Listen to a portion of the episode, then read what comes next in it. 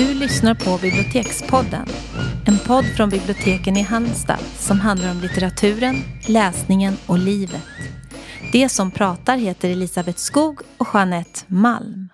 Då är stunden kommen för del fem i vår lilla serie Svenska Nobelpristagare i litteratur. Och vi närmar oss slutet och det är lite trist för att det har varit kul. Men eh, ämnet för dagens eh, avsnitt heter Nelly Sachs och där kände vi att vi hade så otroligt eh, grunda kunskaper om henne. Så i all hast så halade vi in vår belästa kollega. Håkan Olsson som man alltid kan lita på i sådana här sammanhang. Eller hur ja. Håkan? Ja, jag fångades i flykten efter att ha stött på eh, Elisabeth eh, på väg in eller eventuellt på väg ut från en toalett här på Stadsbiblioteket. det var för mycket detaljer redan ja, nu. men det säger ändå lite grann i vilken mm. hast allt ja, skedde. Ja, ja men så gillar vi Smash and grab. Ja, och jag tog eh, mig an detta uppdrag med, med viss, visst darr på stämman, men dock. Ja. Men du är här och det var ju intressant att ha med någon som har liksom egna personliga läsupplevelser ja. av Nelly Sachs. För det har vi haft av de andra vi har pratat om. Ja. Men inte så mycket. Nej, det hade blivit liksom det. Vi, vi har ju aldrig några jättelånga avsnitt. Det är liksom lite av vårt signum. Men mm. det här hade blivit liksom för kort misstänker vi. Mm. Men jag ska i alla fall inleda med min kära faktaruta om det. Eh, Nelly Sachs. Mm. Eh, och hon föddes då 1891 i Tyskland och dog i Stockholm 1970 tilldelades då Nobelpriset i litteratur 1966 med motiveringen för hennes framstående ly lyriska och dramatiska diktning som med gripande styrka tolkar Israels öde. Och det som skiljer henne från de övriga svenska nobelpristagarna är att hon aldrig skrev på svenska. Men hon räknades ändå som svensk eftersom hon var svensk medborgare. Mm. Ja, det är korrekt. Eh. Och Eh, anledningen till att hon fick fly till Sverige det var ju att hon var eh, av judisk börd. Och man brände till och med hennes verk på bål i Tyskland eh, mm. eh, på 30-talet. Och ingen mindre än Selma Lagerlöf mm. var faktiskt delaktig att hon mm. kom till Sverige hjälpte mm. henne att fly hit. Eh, och jag fick också läsa som kuriosa att man har återskapat en kopia av hennes lägenhet ja. vid Bergsunds strand. Och den finns bevarad i ett magasin under Kungliga biblioteket i Stockholm. Med en stor del av hennes ägodelar. Kände ni till detta? Ja, hon hade ganska få ägodelar. Hon man bör komma ihåg också att hon bodde ju, det var inte bara hon som fick så att säga asyl utan även hennes mamma. Mm. Som ju levde ganska länge och hon var väldigt beroende av sin mamma. Och de bodde i den här lägenheten på Bergs... Vad heter det? Bergsundstrand. Bergsunds mm. strand som jag inte kan placera riktigt i Stockholm. Nej, eh, ja, det gjorde Kungsholmen. Ja. Kungsholmen. För där ja. finns i alla fall en park som är uppkallad Ja, då måste det vara det. Mm, eh, och eh, de bodde trångt i en, i en ett mm. om jag inte minns fel, eh, modern och dottern och eh, sen gick modern bort, jag kommer inte ihåg riktigt när. Eh, och eh, det var där hon tillbringade sin, sina dagar i stort sett mm. och det var där hon skrev sina dikter och de fick ju en helt annan karaktär. Hon började ju relativt traditionellt men efter förintelsen så fick ju dikterna en annan, en annan ton. De är ju inte helt, man kan jämföra henne med Paul Celan exempelvis. Fast mm. han är kanske aningen mer tätare och komprimerad. Och den här motiveringen som, som eh, Svenska Akademin gav ut, den är ju bra. Men jag tycker att dikterna sträcker sig långt utöver Israels öde. Mm. Det är inte bara eh, så att säga en, en diktning i Auschwitz skugga utan också mm. en, en, en diktning i den existentiella ja, i dödens skugga. För det är en alla. ovanligt liksom, snäv eh, motivering tycker jag. Just ja. att den, liksom, den, den förminskar, eller förminskar, men, men, att hennes dikter inte skulle vara mer allmängiltiga än så tycker Nej. jag känns mm. lite underligt. Det kan jag tycka också. Hon mm. delade ju priset med en israelisk eh, författare, Agnon hette han. Ja. Eh, och hon blev ju också eh, med åren allt mer paranoid. Mm hon hörde röster, hon, hon eh, ansåg att, att Gestapo och tyskarna var efter henne. Mm. Så hon lades ju in då med jämna mellanrum på Beckomberga. Mm. Och, och, levde ju ett, ett psykiskt svårt liv, ganska isolerat. Men då hade vi ändå kontakt med den svenska parnassen, Gunnar Ekelöf och, och eh, Erik Lindegren exempelvis. Så de såg ju tidigt vilken, vilken diktare mm. gärning hon var, var på väg att slutföra. Så att hon men är hon en värdig mottagare? Alltså, ja. Vi har ju pratat lite grann om det här i en serie. Att det är ju inte alla eh, Nobelpristagare i litteratur som har liksom, deras diktning har inte överlevt tidens tand så att säga. Nej. Men menar du att Nelly Sachs har gjort det? Ja, det tycker jag nog. Eh, det tycker jag nog. Eh, en, en sån som, som Paul Celan som vi eh, nämnde tidigare, den rumänsk-franske författaren som dog för egen hand 1970 i Paris, han blev bara 50 år. Eh, eh, han, ja, han kanske var möjligtvis man kan säga stort vassare, det, det, kan jag inte bedöma. Men, men, men han eh, fick det aldrig? Han fick det inte, nej. Mm. Eh, jag tycker att de, de verkar delvis i samma, i samma område. Mm. Alltså om, mm. Hur uttrycker man erfarenheterna efter den här förfärliga händelsen? Hur, hur kan man i språk uttrycka de här erfarenheterna? Kan man eh, motverka det som Adorno sa, att det finns ingen poesi efter mm. Auschwitz? Och det visar både Sachs och eh, Celan att det finns det. Mm. Men det måste ske på ett, på ett annat sätt. Och jag tycker absolut att hon eh, eh är en, en värdig Nobelpristagare. Mm, det finns ett jätte, en jättebra P1-dokumentär som jag lyssnade på för flera år sedan. Som handlar just om, om, eh, om Nelly Sachs såklart och eh, det här lite klaustrofobiska mm. beskrivningen av den här lilla, lilla lägenheten och den gamla, gamla mamman. Mm. Och deras liksom täta band. Mm. Som är ju både till Alltså, som både är en svårighet och mm. en, en trygghet. Mm. På något jättebra program, så vill ni ha mer kött på benen så kan man leta upp den, för, för den lyssnade jag på med stort intresse.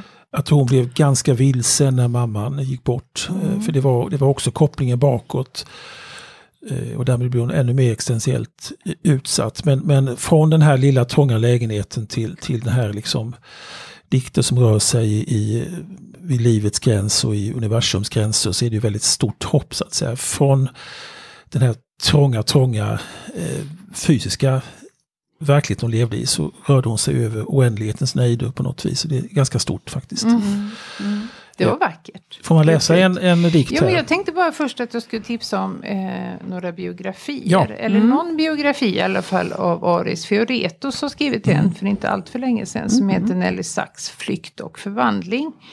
Och sen hittade jag även äh, Sara Stridsberg som faktiskt skrivit en mm. pjäs som mm. heter Nelly Sachs kommer aldrig fram till havet. Mm. -hmm. Så ja. Äh, det finns ju vidare läsning mm. även om man inte... Och den pjäsen, nu har jag inte läst den, men den tror jag också delvis utspelar sig eh, på Beckomberga i mm. mm. Stridsbergs utmärkta bok som heter Beckomberga där hon beskriver liksom sin lite ja, hon hade ju en pappa som hade haft lite kontakt med, med psykvården men den är ju mm. naturligtvis en fri skapelse. Där, där eh, nämns ju Nelly Sachs också. Hon var ju en av dem som, som var där med täta mellanrum så att säga. Så mm. att den har väl, väl sin grund i detta.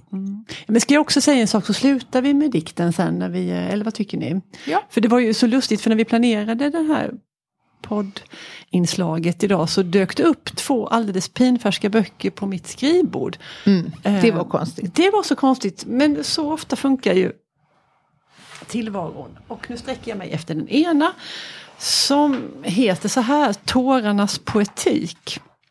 Nelly Sachs tidiga författarskap fram till In den Wohnungen des Todes. Och det är Daniel Pedersen som har skrivit denna det ser lite grann ut som en avhandling. Ja, kan det vara det? Det kan det vara. Uh, jag tycker att bara det tårarnas poetik tycker mm, jag är så mm, vackert som man går helt bananas.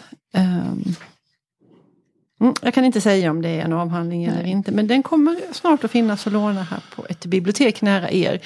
Och jag vill också säga någonting om den boken ja. som Håkan håller i, det kan du göra. Ja, och det är en jättetjock utgåva av hennes samlade dikter eh, som har utkommit alldeles nyligen. Och förordet är skrivet av just samme Daniel Pedersen. Mm. Det kom en pocketutgåva eh, sent 90-tal som jag, eh, som jag själv har. Eh, och som innehåller i princip samma sak. Men den här är ju en mycket, det är en inbunden bok och eh, mycket finare att se på så att säga. Och det är olika översättare här eh, som har översatt eh, Sachs tyska till svenska. Eh, och den som jag ska sluta att läsa här, den är ju samlingen Glödande gåtor som kom 1964. Och där är det Percival som är översättare. Du måste, alltså vi förhåller det här ja, jag finalnumret ständigt. Men jag måste fråga dig om hon är, ses hon som en svensk författare i Tyskland eller har man då liksom eh, Nej, hon... liksom anammar med han henne som tysk ja, och läser henne fortfarande ja, där det, idag. Har du någon aning om ja, det? Ja, alltså man får ju ändå säga att, att när man tittar i svensk litteraturhistoria så står hon ju inte med då av det enkla skälet att hon skriver på tyska. Mm. Där är det ju språket som är det mm. väsentliga. Sen är hon ju ur liksom litteratursociologisk eh, synvinkel är hon ju en svensk författare i och med att det var här hon skrev ja. sina verk. Det var i, i kontakt med svenska kollegor som hon skrev. Ja. Hon var ju förvisso svensk medborgare sedan 1952 tror jag. Ja. Men jag bara menar om hennes verk lever i Tyskland. Ja, det tror jag. Alltså, sen, poesi är ju smalt, men, men, ja. Eh, men eh, det gör det absolut. Det är ju ingen, ingen död författare i den bemärkelsen.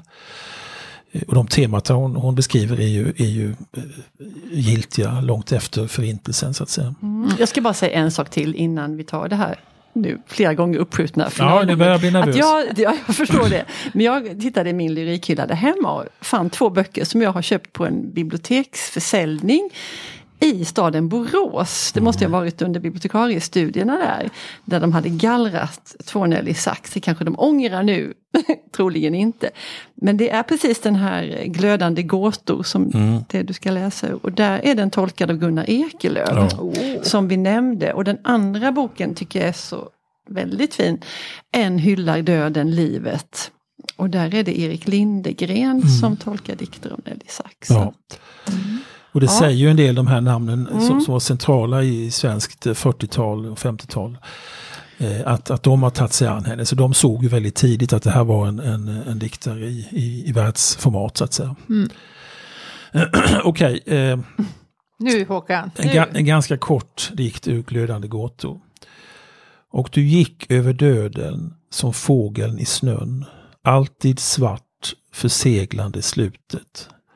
Tiden slukade det som du gav den av avsked. Ända fram till den yttersta övergivenheten längs fingerspetsarna. Ögon natt, att bli okroppslig. Luften kringsköljde, en ellips, smärtornas väg. Mm. Eh, och det är väl lite så som hon skriver. Alltså det är tätt, det är komprimerat, mm. det är sammanpressat. Det är korta som att, dikter? Ganska, ganska korta, dikter, mm. ja. Det är som att man liksom, det är knappt så att det finns luft kvar. Nej. Men ur denna mm. lufttomhet så pressar sig orden ut. Mm. Mm. Och är av stor, men, men skarp och tung eh, densitet ska jag säga. Mm. Känns det som. Ja. Ja, har vi sagt allting som vi ville säga om, om Nelly Sachs? Jag tror nästan det. Mm. Vi har nog inte... Nej, men då tackar vi särskilt Håkan som vi kunde plocka in med så nästan ingen förberedelsetid alls. Nej men det är också detta. fantastiskt. Ja men det är härligt att vistas i sån miljö där sånt kan ske. Ja exakt. Ja. Så tack Håkan, tack, tack Jeanette och slut för idag. Tack för idag. Hej då. Hej.